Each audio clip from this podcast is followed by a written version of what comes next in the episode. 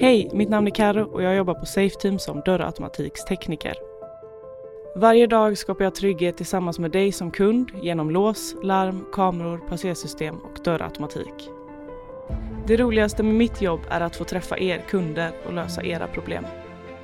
Vi är ett himla gött gäng och jag tror det återspeglas i våran service till dig som kund genom att ge dig ett snabbt och ärligt svar i alla lägen. Välkommen till Safeteam, din partner i säkerhet. Hej kära lyssnare och trygghetsambassadörer. Innan vi börjar det här avsnittet ska jag bara, för dig som är ny lyssnare, berätta vad en trygghetsambassadör är. Det innebär att man hjälper till att sprida Trygghetspodden så att ännu fler får ta del av den viktiga kunskap som förmedlas här. Det är för att skapa medvetenhet och därmed möjligheten till att verka för en bra framtid. Just nu är det här viktigare än någonsin. Så du som lyssnar nu, berätta för tre personer om Trygghetspodden och dela gärna också våra inlägg i sociala medier. För kom ihåg, ansvaret för ett säkert samhälle där vi kan känna oss trygga hänger på oss alla. Så nu är det upp till dig att också bidra. När du lyssnar på veckans avsnitt kommer det här bli ännu mer uppenbart, för det handlar om den grova brottsligheten i Sverige. SVT-reportern Diamant Salihu kommer att berätta om hur läget i de olika konflikterna i Stockholm är. Vad det innebär att kriminella har börjat ge sig på varandras släktingar och andra närståenden. Hur medling, som fungerar som en alternativ rättsskipning, går till. Varför Sverige har så många fler skjutvapenmord än länderna i vår omgivning. Liksom hur det har kunnat bli så här och hur framtiden kan bli. Vi har haft någon form av naiv bild av Sverige tror jag. Där vi inte kan riktigt acceptera att vi som välfärdssamhälle kan ha de här problemen. Som vi har blundat för. Och så nu har vi blod som bara väller in och sprängningar i majoritetssamhällets rum. Och då blir det, då blir det plötsligt verklighet för många fler människor och då ska man göra det. Men vad ska man göra då? Du lyssnar på Sveriges viktigaste podd, Trygghetspodden. Jag heter Diamant Salihu och jag är journalist, jobbar på SVT i vardags. Men jag är också författare till två böcker som skildrar den svenska gängmiljön. Den senaste boken heter När ingen lyssnar. Hur länge har du arbetat på SVT som kriminalreporter och vad gjorde du innan dess? De senaste sex åren så har jag jobbat som reporter, bland som kriminalreporter på SVT och före det var jag 11 år på Expressen.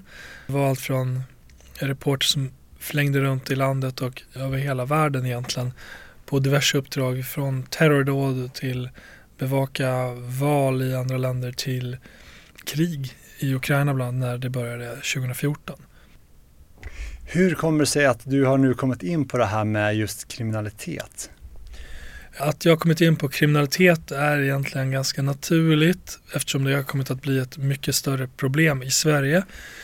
För ungefär tio år sedan så ägnade jag ganska mycket av min tid då på Expressen åt att bevaka jihadisterna som eh, framförallt från våra svenska förorter försvann och dök upp i Syrien och Irak och så småningom liksom anslöt till det som kom att bli Islamiska staten.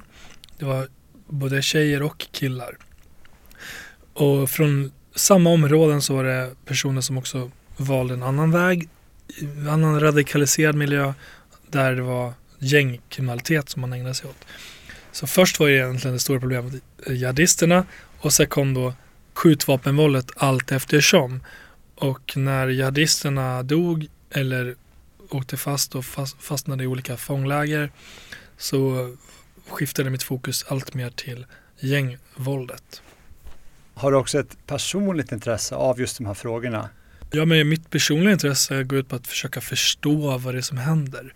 Eftersom jag tycker att bevakningen är liksom, har alltid varit fragmentarisk och jag har vuxit upp i ett socioekonomiskt svagt område i Bålänge och har sen som journalist besökt liknande områden i Sverige men ändå märkt att det är otroligt mer isolerade miljöer än de jag var van vid. Och jag hade svårt att förstå hur sådana som var födda i Sverige fast med utlandsfödda föräldrar bland annat och kunde känna så här större utanförskap än vad jag upplevde som ung. Det var ju också den typen av personer som jag inledningsvis såg allt mer av i just de här konflikterna med våld. som gjorde att jag såklart ville försöka förstå på ett djupare plan vad det var som hände. Var det i Kärna Ängar du växte upp alltså? Ja, jag växte upp i Kärna Ängar i Borlänge. Då var det ju, när jag växte upp där under 90-talet så var det ju liksom sådana som hade koppling till Finland men det var också folk från alla möjliga konfliktzoner i världen som samlades och gick i skolan tillsammans och i min klass var det en massa barn från villaområdena i övre Kärna och Paradiset och inte bara de som bodde i Kärnängar. Så att det var blandat och eh, liksom man lekte hos varandra, sov över hos varandra, man integrerades väldigt fort och såklart också genom idrotten som var kanske det många hade gemensamt. Och vi ska återkomma till det här med samhällsstrukturer och hur man kommer in i samhället eller inte och så lite längre fram. Men vi ska fortsätta prata nu mer om det här med just brottslighet.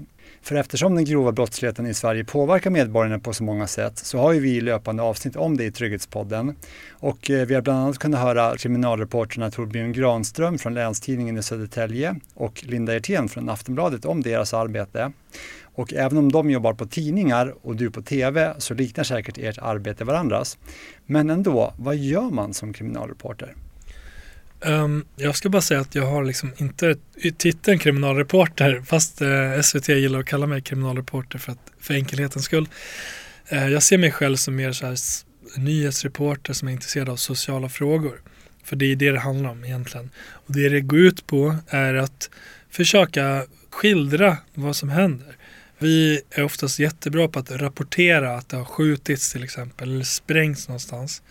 Och mitt jobb som reporter och det jag specifikt brinner för personen är att försöka komma dit, prata med de som är i lokalsamhället och kanske de som är involverade som ligger bakom sprängningen och skjutningen. För att försöka knyta ihop vad det är som har hänt och varför det har hänt och vilka som är involverade. Vad man har för motiv och sådär. För då blir det mer intressant och kanske också lite mer begripligt. Även om det är obegripligt så att säga. Och det är väl det som jag försöker göra och som tv-reporter så eh, handlar det om att försöka få människor att ställa upp framför en kamera och att bildsätta det på ett sätt som blir pedagogiskt. Ehm, jag har jobbat resten av min journalistkarriär på tidning och eh, det är väl samma sak man försöker med, göra det begripligt. Just Linda Hjertén då på Aftonbladet medverkade ju i serien Våldsvågen i Stockholm som gick i Trygghetspodden i månadsskiftet där kring januari-februari i år. Och då var det väldigt många mord, bombdåd och skjutningar. Nu har det gått några månader sedan dess. Hur skulle du säga att situationen har utvecklats under den här tiden? Det har blivit lite lugnare skulle jag säga.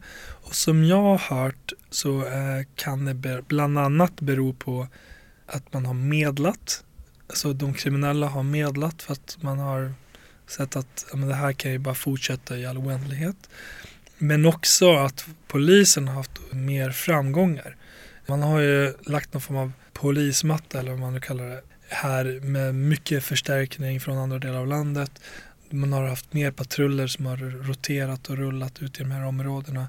Och man, ibland har man till och med varit liksom, tagit eh, personer på bar gärning innan de har utfört ett dåd andra gånger direkt efter, kort efter och mm, kunnat koppla vapen till dem och så vidare. Så nu sitter ganska så många personer häktade för de här skjutningarna och sprängdåden. Vilket säkert också bidrar till lugnet.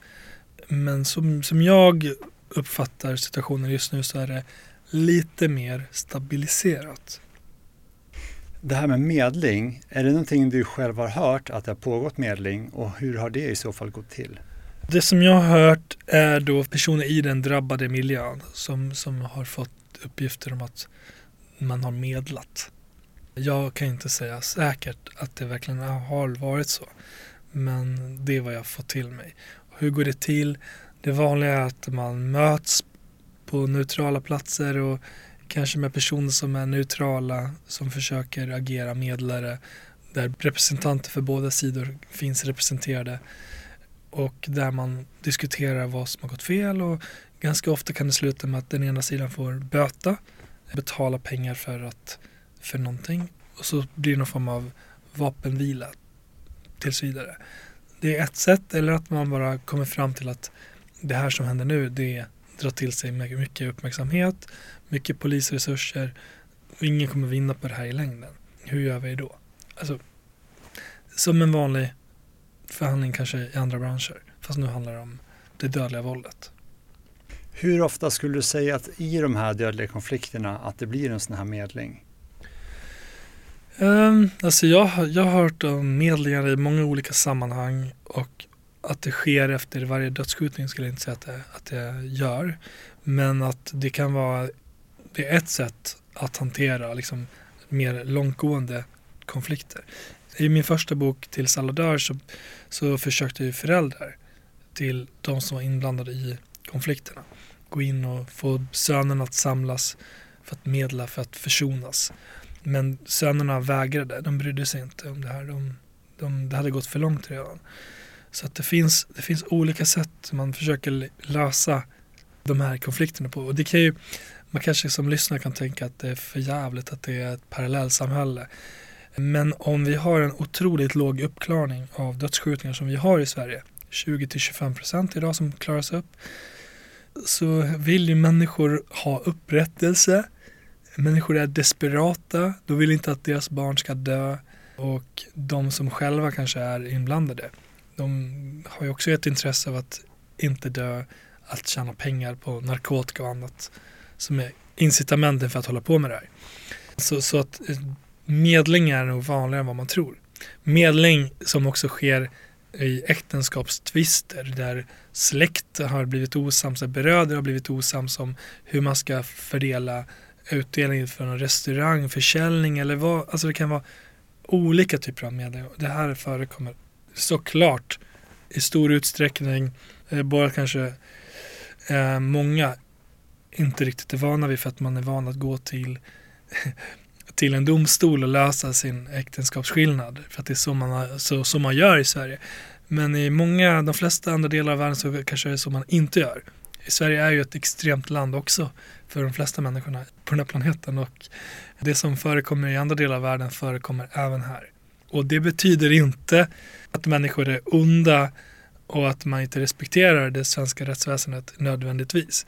Men att det är så starkt man respekterar de här tvistlösningarna kanske mer än den normala eh, moderna lösningen som finns i det här samhället. Så det kanske är parallellt. Jag och Linda Hjertén pratade om att det var minst fyra olika gängkrig som pågick då. Vad har hänt med de här? För du säger att det är lite lugnare nu.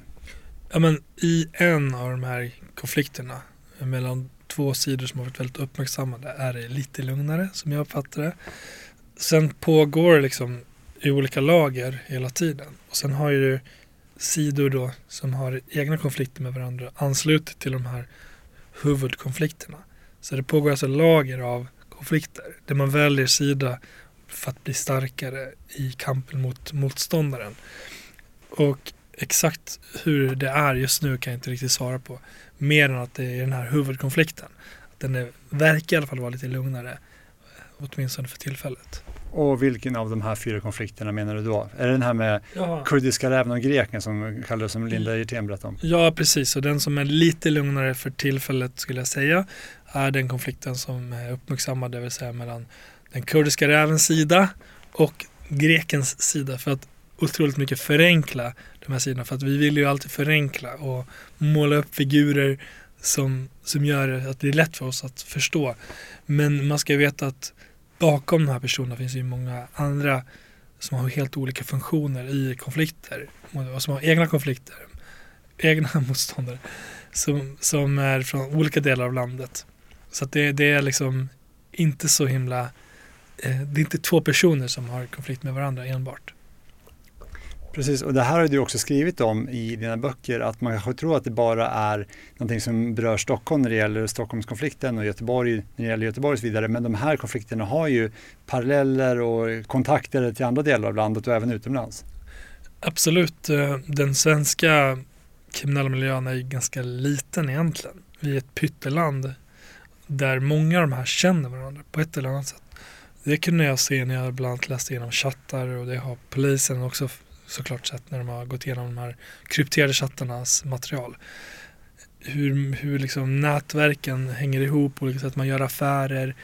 med personer som kanske också är fiender ena dagen och så vill man ändå tjäna pengar för att man har narkotika så kan de köpa narkotika. Och att också konflikter kan uppstå på det sättet. Och vissa av de här nätverken kan ju ha intresse av marknader i andra delar av Sverige än där man kanske själv har sin bas. För att man har då allierade som, som agerar som någon form av mottagningscentral för narkotika och för distribution av narkotika, försäljning av narkotika.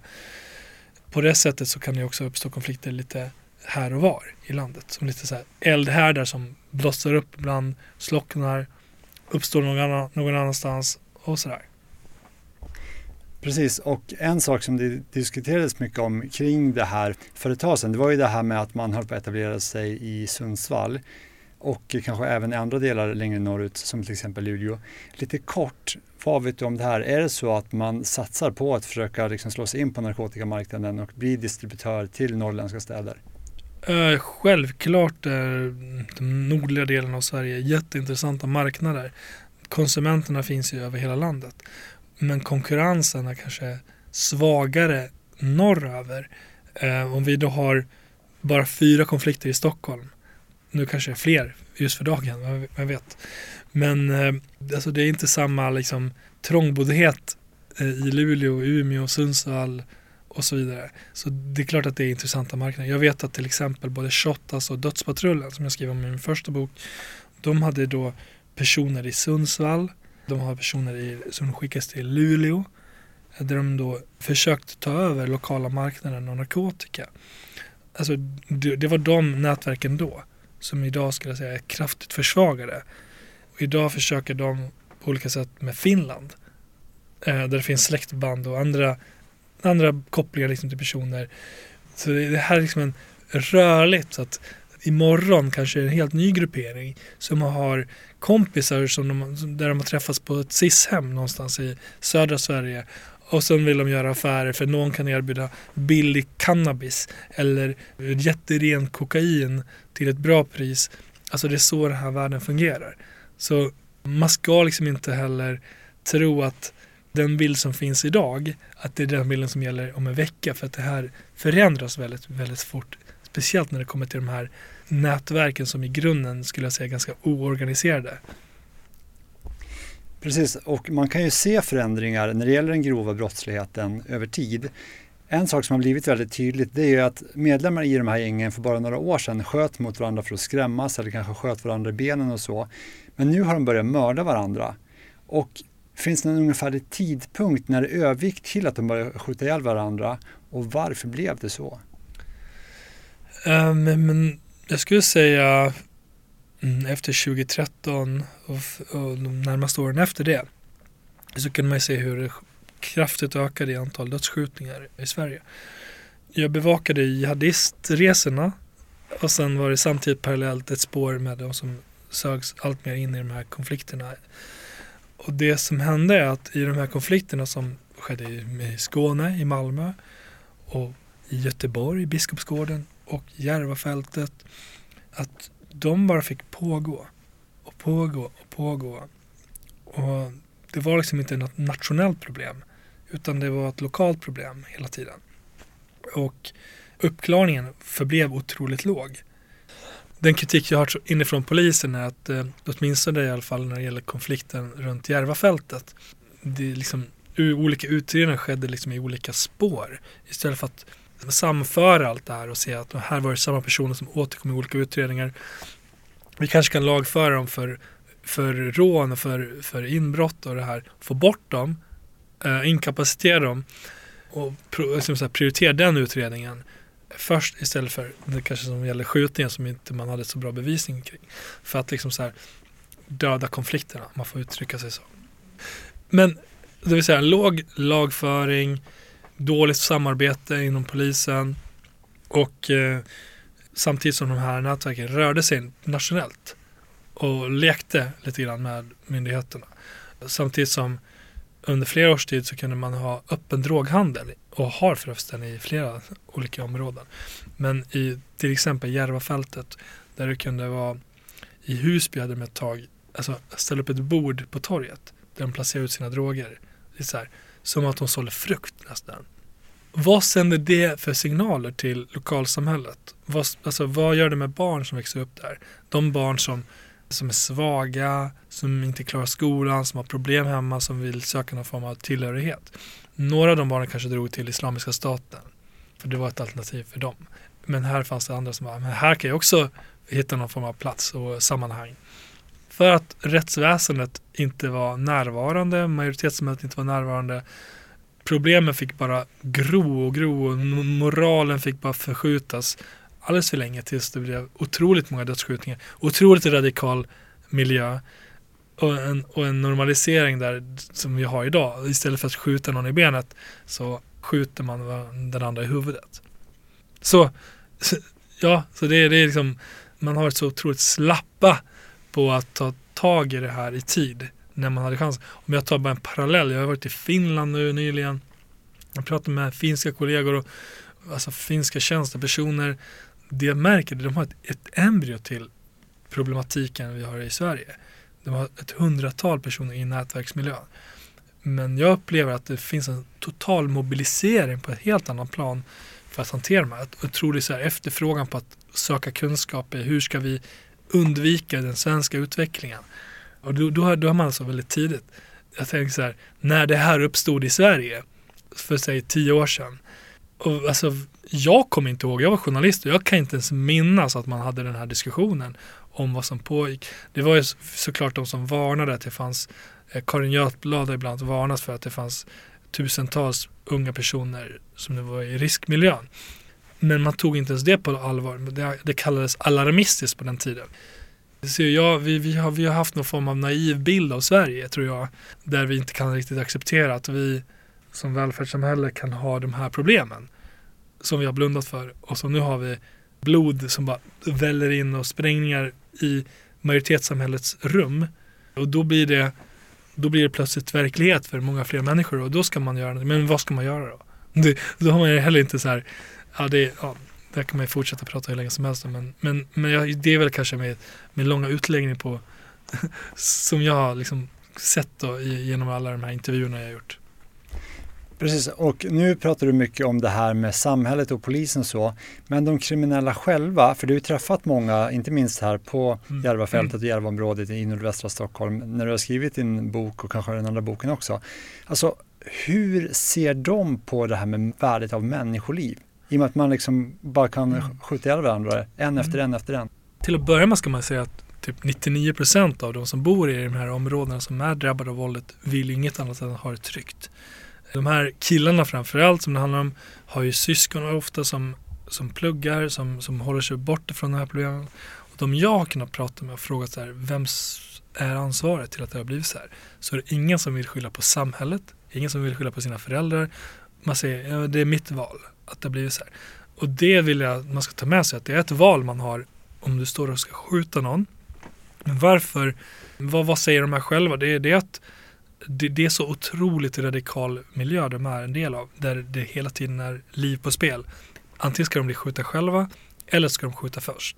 Och i det valet så, så är vi i en situation där, där i alla fall i Sverige så är liksom de kriminella spelregler att man får skjuta ihjäl någon som man känner sig kränkt av.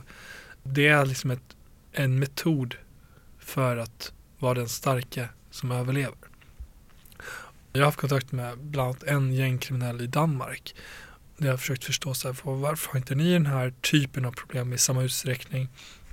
Och fått svaret att men här det accepteras inte på samma sätt bland kriminella att man dödar för dödandets skull. Utan det ska vara otroligt motiverat. Man ser också i, i, i en av chattarna som jag skriver om i När ingen lyssnar. Där en kille från Malmös kriminella miljö försöker leta efter en torped i Malaga som kan utföra ett beställningsmord i ett fängelse där då en känd kriminell från, från Malmö eh, har blivit transporterad och då säger den här personen bara mm, nej men vi om, nej alltså vi, vi kan inte mörda på det sättet utan det måste handla om så här, eh, fara för familj på den nivån. Och det tycker jag också är så här tydligt. Man ser kommunikation, den är på engelska och någon från en helt annan del av någon annan organisation bara, nej, men vi har en gräns. Och i Sverige har man inte den gränsen på samma sätt. Och jag, jag tolkar utifrån de samtal jag haft och det jag läst att, att det är för att jag ska, vi har fått det här en helt normalisering kring vad som är rätt och fel att göra och när man får göra som inte riktigt har fått uppstå på samma sätt i många andra länder. För att det har reglerats i tydligare, tydligare och också att i andra länder så finns det mer så organiserad kriminalitet skulle jag säga. Med maffior, klaner som styr med äldre ledare som, som reglerar så här, nej men du får inte döda någon för det kommer skada vår organisation. För att polisen kommer vara på oss. Så om du är impulsiv och dum så kan du bli bestraffad. Din familj kan bli bestraffad internt. Och det, den självregleringen har vi inte på samma sätt i stora delar av Sverige.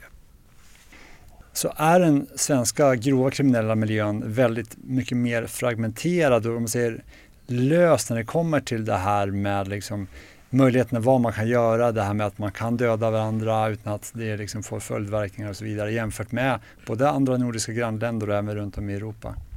Ja, det skulle jag säga eftersom eh, många andra länder har mycket mer organiserad brottslighet, maffior och klaner och så vidare. Och det kanske man kan säga på ett sätt är positivt att Sverige inte har. Förutom med undantag kanske Göteborg och Södertälje i omgångar. Så på ett sätt är ju det bra. För att det kanske inte är lika kaotiskt. Det är många som skjuter ihjäl varandra, att barn inte skjuter andra barn. Men att det också medför såklart en fara för infiltration och annan sorts korruption som man har i andra länder. Mer demokratihotande som man pratar om i Nederländerna och Belgien. Där man har liksom otroligt mycket pengar. De alltså portarna in till, till Europa för narkotika, framförallt kokain från sydamerikanska kartellerna. Där i Nederländerna har man ju haft ihjäl en journalist och en advokat från maffian där. Den utvecklingen vill vi inte ha här. Men eh, ja, så Sverige är fortfarande lite oorganiserad och har blivit ännu mer oorganiserad nu när många som kanske hade mer ledande roller i olika områden har åkt fast tack vare olika krypterade chattar bland annat. En viktig bakgrund till att jag startade Trygghetspodden var de samhällsreportage som jag gjorde framförallt i Sydamerika men även i Afrika. Och eh, en tjej som jag intervjuade i Brasilien då sa att småbarn i favelerna, alltså deras benämning på slumområden i Brasilien, inte skulle tveka att mörda någon för att få ett par schyssta skor som någon annan har på sig. Så jag tror att vi går mot samma utveckling i Sverige, att man kan mörda någon bara för att få en andra skor. Um, alltså det är inte omöjligt om det här inte liksom här, får ett slut. Jag tror att för barn som är redan idag väldigt så här, villiga att döda någon för att göra en snabb karriär och ibland göra det gratis för att få status att för ett par skor eller för en kränkning, en felblick, alltså av de otroligt så här bagatellartade skälen så tror jag absolut att det är möjligt. Redan nu. Det här låter ju otroligt oroväckande. Eh, ja, eh, och det är därför som vi inte heller kan så blunda för att det är där vi kanske är redan nu och jag skulle säga att vi är där redan nu. Om vi, om vi liksom inte göra någonting åt nyrekryteringen. För lagstiftningen har ju liksom så lett till såklart man har tagit bort straffrabatten för de som är mellan 20, 18 och 21 år. Men det har enligt flera personer som jag har kontakt med lett till att man istället så går till de som är ännu yngre.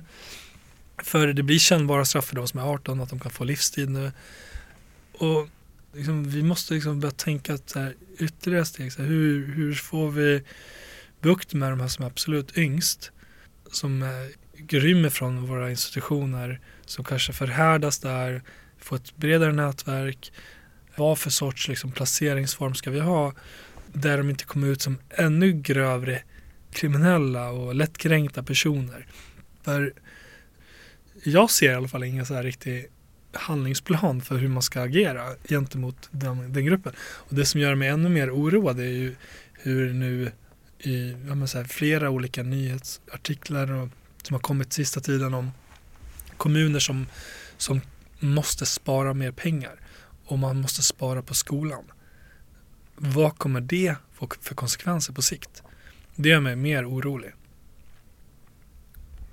För en annan sak som jag också upplevde när jag var i Rosinha, den största favelan i Rio de Janeiro i Brasilien. Och när jag var där, då var det alltså 15-20 år sedan, då styrdes det av knarking och polisen gick inte in där. Och det första jag mötte det var liksom småbarn med automatvapen. Jag kommer ihåg att det var liksom en kanske 12-åring eller någonting som stod med en Kalashnikov och bredvid stod den ungefär samma ålder med en M16. Då blir man så här, på den här tiden, wow, det här skulle aldrig kunna vara i Sverige att det står småbarn med automatvapen. Men det vi ser nu det är just att småbarn, eller i alla fall i 15-16 års åldern, just har automatvapen. Alltså det har varit flera skjutningar till exempel i Gubbängen där de har skjutit med automatvapen. Ja, det är liksom, ja det kanske är en väldigt dystopisk eh, bild som kanske finns i sikte även för Sverige om man ska vara väldigt eh, dramatisk. Men om, om man då säger att motsvarigheten till favellorna här i Sverige är våra väldigt segregerade områden som vi har bara låtit så här, få vara segregerade, där skolorna är segregerade, där eh, det har kunnat ske öppen drogförsäljning, där normförskjutningar har kunnat få ske stegvis. Så för varje generation så är det lite värre och lite värre och lite värre. Så de som är liksom kriminella och är i 20-årsåldern fruktar nu de som är 12 år för att de är ännu värre. Ännu färre spärrar. Eh, jag menar, jag, jag, jag, tror inte, jag hoppas inte att det är dit vi är på väg. Men jag tror att det är bra att ha det som en, som en alternativ bild. Så här, det, där, det där går, det där kan hända. Och bara för att vi, vi, vi har de här bättre förutsättningarna i Sverige. Eh, det kanske har vissa skyddsfaktorer som inte kan leda ända hela vägen dit. Men, men hallå, vem trodde att vi skulle ha den här situationen för tio år sedan i Sverige? Alltså, vem trodde det? Vi kan inte vara naiva heller. Vi kan inte leva i förnekelse att vi har den här typen av problem för du sa ju här för en stund sedan att många av de som är just mest drabbade är de som bor i de här områdena själva. Och det var precis det här jag upplevde också när jag var i till exempel då Brasilien att de som är allra mest drabbade i de här Hosinha och andra faveler det är just de vanligt hårt arbetande liksom, människorna som bara vill ha ett drägligt liv. Men nu är vi alltså uppenbarligen på ett slutande plan på många sätt när det gäller det här. Och en sak som man också har sett i närtid där den här utvecklingen har liksom blivit värre och värre, det är att man börjar angripa varandras släktingar och andra som har kopplingar till den person som man är i konflikt med, men som kanske inte alls själva är kriminella överhuvudtaget.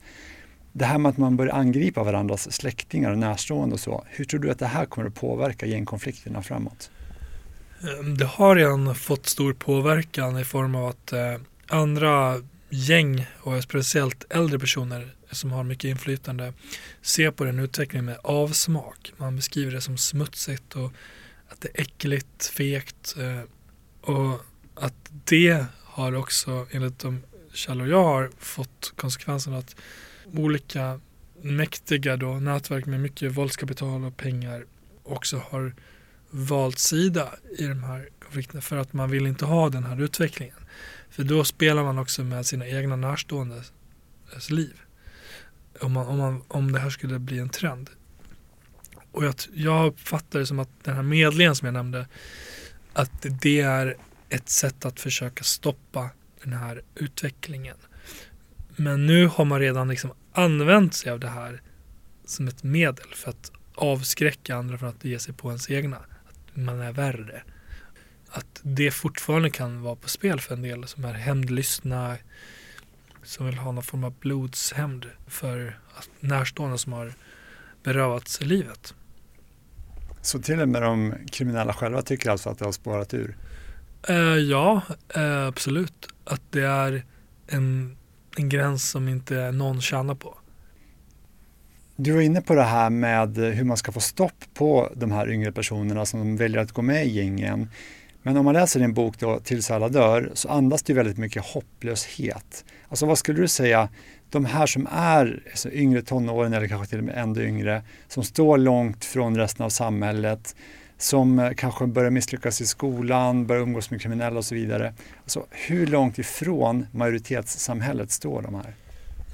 Äh, men de är de här killarna som då motsvarande favelas barn står med sina vapen och skyddar favelorna och eh, nyttjas av äldre personer. Få av dem har klarat skolan. De har redan ett register fullt med prickar och kommer ha svårt att hitta jobb. Och då känner de att eh, fuck it, då kör jag all in istället och tjänar snabba pengar. För jag kommer ändå inte leva så länge till så här som det ser ut. Alltså, jag har pratat med så här kunniga människor som studerar den här miljön och som pratar om psykisk ohälsa. Och alltså, en känsla av att inte hitta sin mening, sin plats. Och det här är liksom den extrema formen. Där man också söker sig till den extremt radikala miljön. Som är otroligt långt från, från resten av samhället. Rest, alltså otroligt långt från också det egna samhället. Och jag, jag tycker det är, jag menar, hur mycket man än vill skylla på personer, vill skylla på föräldrar eller på skolan eller socialtjänst, polis eller, eller samhället i stort, politiker. Så är det, det är ju ett otroligt allvarligt problem som inte kommer att bara laga sig självt. Så vi måste ju på något vis se till att det här inte är ett alternativ. Hur gör vi det? Det är en stora frågan som jag inte kommer på svaret på nu. För en annan medverkande som var med i avsnitt 35, Dan Gaversjö, som är för detta polis och integrationsstrateg, han beskrev just den här problematiken med att det är så svårt för samhället att få bukt med det här. Och eh, han beskrev det ungefär som att de som växer upp i den här miljön, de som liksom kommer in i kriminalitet, alltså de formas ju från dels kanske landet de kommer ifrån eller där föräldrarna kommer ifrån, där det finns en annan kultur, men också den kultur som finns i den här gängen. Och då handlar det mycket om det här med machokultur, att man inte ska visa sig svag och så liknande, som finns i många av de här kulturerna, så beskrev han det. Och att det här leder alltså till att socialtjänsten försöker med åtgärder som kanske funkade för flera decennier sedan, för det var så de skapades. Men samhället ser inte ut så längre. Och det är därför menar han att samhällets åtgärder inte funkar, för att man försöker med fel åtgärder. Och sen så blir det liksom att man gör åtgärd efter åtgärd efter åtgärd, men ingenting händer, utan liksom de straffar ut sig själva och sen så liksom bara blir de djupare och djupare in i kriminaliteten. Ja men det är en, en beskrivning som jag har hört eh, flera gånger av bland annat poliser som menar att socialtjänstens metoder måste liksom moderniseras till nutiden. Det är inte som det var förr att det kanske var alkoholproblematik hemma men att det alltid fanns en far eller morförälder som kanske var det ytterligare stöttande benen för barnet. Eh, här är det liksom mycket, mycket allvarligare med våldet och eh, ja, hur, hur ska man hantera det då? Det är nog liksom inte bara socialtjänsten som kan hantera det utan det kräver ju, alltså jag tror att det kräver ju så, såklart en helt maskineri med, av, av instanser från tidigare också som gör sin del. Men, men ett problem som finns då inom socialtjänsten som, som bland annat Socialstyrelsen har pekat på är att typ hälften nästan av kommunerna inte jobbar med evidensbaserade metoder mot den här gruppen. Vilket man kan ställa sig frågan varför. Om det finns eh, sätt att jobba med barn i riskmiljön, varför gör man inte det? Det måste man ju hantera. För just den här då machokulturen som Dan Gaversjö beskriver, inte minst i gängen, det här med att man inte ska visa sig svag, att man liksom kan trycka ner någon annan och liksom man är lättkränkt och allt det här. Alltså, vilken kunskap tror du finns, alltså, nu nämnde du polisen, men alltså andra som politiker, myndigheter, socialtjänst. Alltså, har man om den här problematiken och förståelsen att det är ett annat liksom, litet samhälle i samhället och vi måste tänka annorlunda än vad vi har gjort? Jag upplever att det på senare tid har pratats en del om just hypermaskulinitet. Eh, det har gjorts eh, dokumentärer på Sveriges Radio om det. Det finns eh, en professor som heter Per-Olof Wikström som pratar om moral och normförskjutning. Man jobbar i, bland annat på Järvas kommunala grundskolor med tioåringar för att ge dem bättre verktyg att hantera konflikter. Alltså man, man, man, jag upplever i alla fall att där, där det finns mest akuta problem så har man en medvetenhet kring de här frågorna. Men sen, sen har jag varit i andra delar av Sverige där man inte alls jobbar med de unga personerna på samma sätt och ger dem verktyg att hantera lättkränkthet till exempel. Det, den, det behövs ju alltifrån de som är lättkränkta unga personer till de som ska lämna den här miljön som, som har då fått stärka de här äh, stereotypa normerna otroligt mycket. Att de ska avvänjas från de normerna på sikt. Och eftersom det finns olika lösningar i olika kommuner, i olika stadsdelar och inte några nationella instanser som hanterar det på nationell nivå med liknande riktlinjer som jag fattar det. Så sker det liksom hela tiden olika finns olika metoder för att hantera det. Så ja, absolut att kunskapen kanske den borde ju finnas, den finns ju här och där, tycker jag. Men på nationell nivå, ja. För om man jämför då den grova organiserade brottsligheten för några decennier sedan, om man tar till exempel MC-gängen som var till exempel i början på 90-talet, de stora, om man säger, kriminella aktörerna. Och så tar man då dagens aktörer, det är kanske gäng från olika förorter, de är väldigt unga och så. Alltså det här med att vara så lättkränkt, var det så tidigare också eller är det här någonting som har kommit nu på senare? För jag tycker aldrig att man hörde om det här, liksom att ja, men jag, jag har varit kränkt och sen liksom jag ska åka och skjuta ihjäl någon. Alltså i alla gäng, var man än eh, kollar i världen så, eh, så finns det samma stereotypa normer. Om du tog Brasilien som ett exempel, där är barn beväpnade med AK47. I Sverige var man inte det, men, men maskulinitetsnormerna i gängen i mc-miljön kanske ledde till att man sköt någon i benet på den tiden. Nu har den här världen radikaliserats så mycket så att det har blivit norm även här. Men i grunden så är det samma typ av drivkrafter hos människor som söker sig till de här grupperna var man än ser dem i världen. Men att de uttrycks på olika sätt. Du var inne på det här med Encrochat och så och det skriver du också om i din nya bok. Så hur har det här påverkat den grova kriminella miljön? För att vi har kunnat höra tidigare i Trygghetspodden att det har fått stor påverkan på det här med att, och det har du också nämnt, att vissa liksom, ledande figurer har plockats bort och sen har det uppstått konflikter för att det här tomrummet ska fyllas och så. Ja, eh, det, det har ju sett som en form av mirakellösning på de problem vi har i Sverige. Men det har ju också fått konsekvensen att maktvakuumet som har uppstått när man har låst in ledande personer som har styrt olika områden, haft barn under sig, att barnen blir ledarlösa och vill, vill fortsätta ta över marknaden och att det har uppstått interna konflikter, att konflikter har ärvts från tidigare som fortsätter och att också det sker då externa, externa aktörer som kan vara utomlands och vilja ta över marknader. Så det har varit bra på ett sätt men också orsakat ett stort kaos i de här miljöerna. Hur tror du att det här kommer att påverka de kriminella miljöerna, alltså att de inte längre kan lita på att man har liksom en säker kanal som man hade förut. Alltså, för de har ju knäckt då polisen, både Encrochat och även andra krypterade tjänster. Man har kanske blivit lite mer försiktig i hur man kommunicerar, att man inte litar på någonting längre. Men jag ser i kommunikationer eh, som jag har med personer att de använder samma tjänster som du och jag gör, som poliser gör, som åklagare gör, det vill säga till exempel signal, WhatsApp och så vidare. För att det blir, alltså det är många fler som använder de tjänsterna som inte håller på med brott. Och att det också kan göra svårt för en myndighet, ett land att liksom lyssna av eller man, läsa av eller hur man ska säga. En server som används av ett sådant företag som har till exempel signal. Men brotten fortsätter. Narkotikan fortsätter välla in i rekordmängder. Så business as usual som, som en åklagare säger i boken. För i just Encrochat så var det ju ändå otroligt liksom öppet. Man beskrev hur man skulle döda folk, gjorde mordplaner, gjorde planer på grov eh, narkotikahandel och så vidare. Alltså nu i de här andra tjänsterna som Signal och WhatsApp och så, alltså är man lika öppen?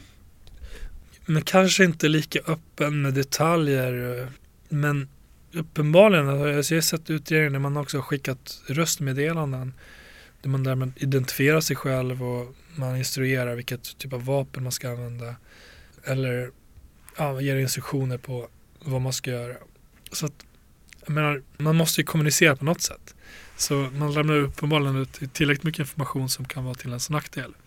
Sen kanske man inte anger exakt var man har sitt lager med 100 kilo kokain på samma sätt. Och det jag kan se i alla fall är några exempel är att man reser fysiskt då, från Sverige till till exempel Turkiet och där träffar då de som man samarbetar med och gör upp för att inte riskera att bli avlyssnad. Till sist då, utifrån det här vi har pratat om nu, du som följer den grova brottsligheten och de här gängkrigen noga, vad tror du kommer hända framåt? Um, det kan nog kanske ske någon form av stabilisering i den här miljön, i konflikterna som vi har läst mycket om. Och att man då delar upp marknaden. Men ja, risken med det är också att de här får växa sig starkare. Och att med det kommer då risken för infiltration och korruption på sikt alltså finns... infiltration och korruption av samhällsinstanser? Ja, precis. Det som man ser i större utsträckning än en del andra länder. Som man också ser redan nu, men det är ändå advokater som är dömda, det är bankpersoner som har hjälpt de här personerna att tvätta pengar och investera i, i fastighetsmarknaden. Att växla pengar, att slussa vidare till, på olika sätt runt om i världen. Att det kanske att det blir ännu tydligare på sikt. Om de här nätverken får växa sig starkare, om de får fyllas på med nya unga soldater. Du har hört ett avsnitt av Trygghetspodden. Fler avsnitt finns på trygghetspodden.se.